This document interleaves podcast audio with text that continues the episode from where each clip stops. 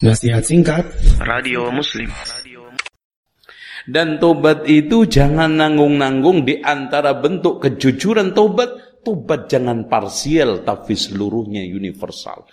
Ah saya tobat khomer aja deh. Tapi kalau untuk urusan zina ini masih belum. Gak bisa.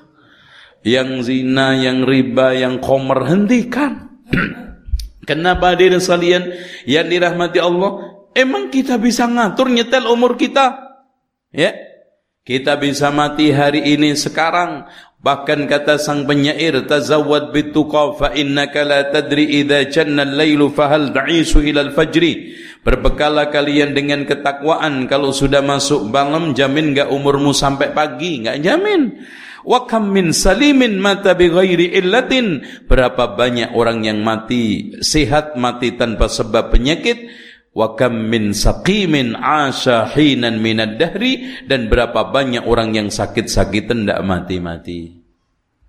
Dan hidup itu di antara salah satu dua. Dunia meninggalkan kita atau kita meninggalkan dunia. Nggak tahu mana yang lebih dulu